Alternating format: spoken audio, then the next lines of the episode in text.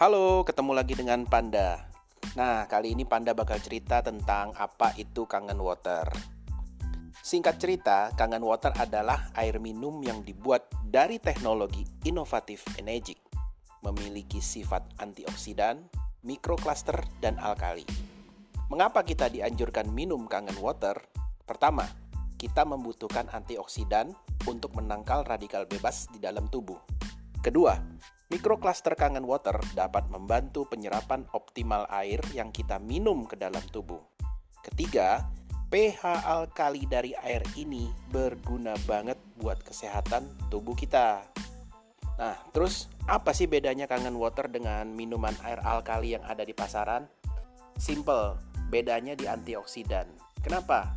Nah, karena antioksidan itu tidak dapat disimpan lama Rata-rata usia antioksidan 48 jam sejak dibuat pertama kali dan akan terus menurun kualitasnya sejalan dengan waktu karena oksidasi. Udah jelas ya di sini perbedaan kangen water dengan produk lainnya. Jadi, disarankan minum kangen water fresh setelah diproses oleh mesin kangen water. Sampai ketemu di podcast selanjutnya.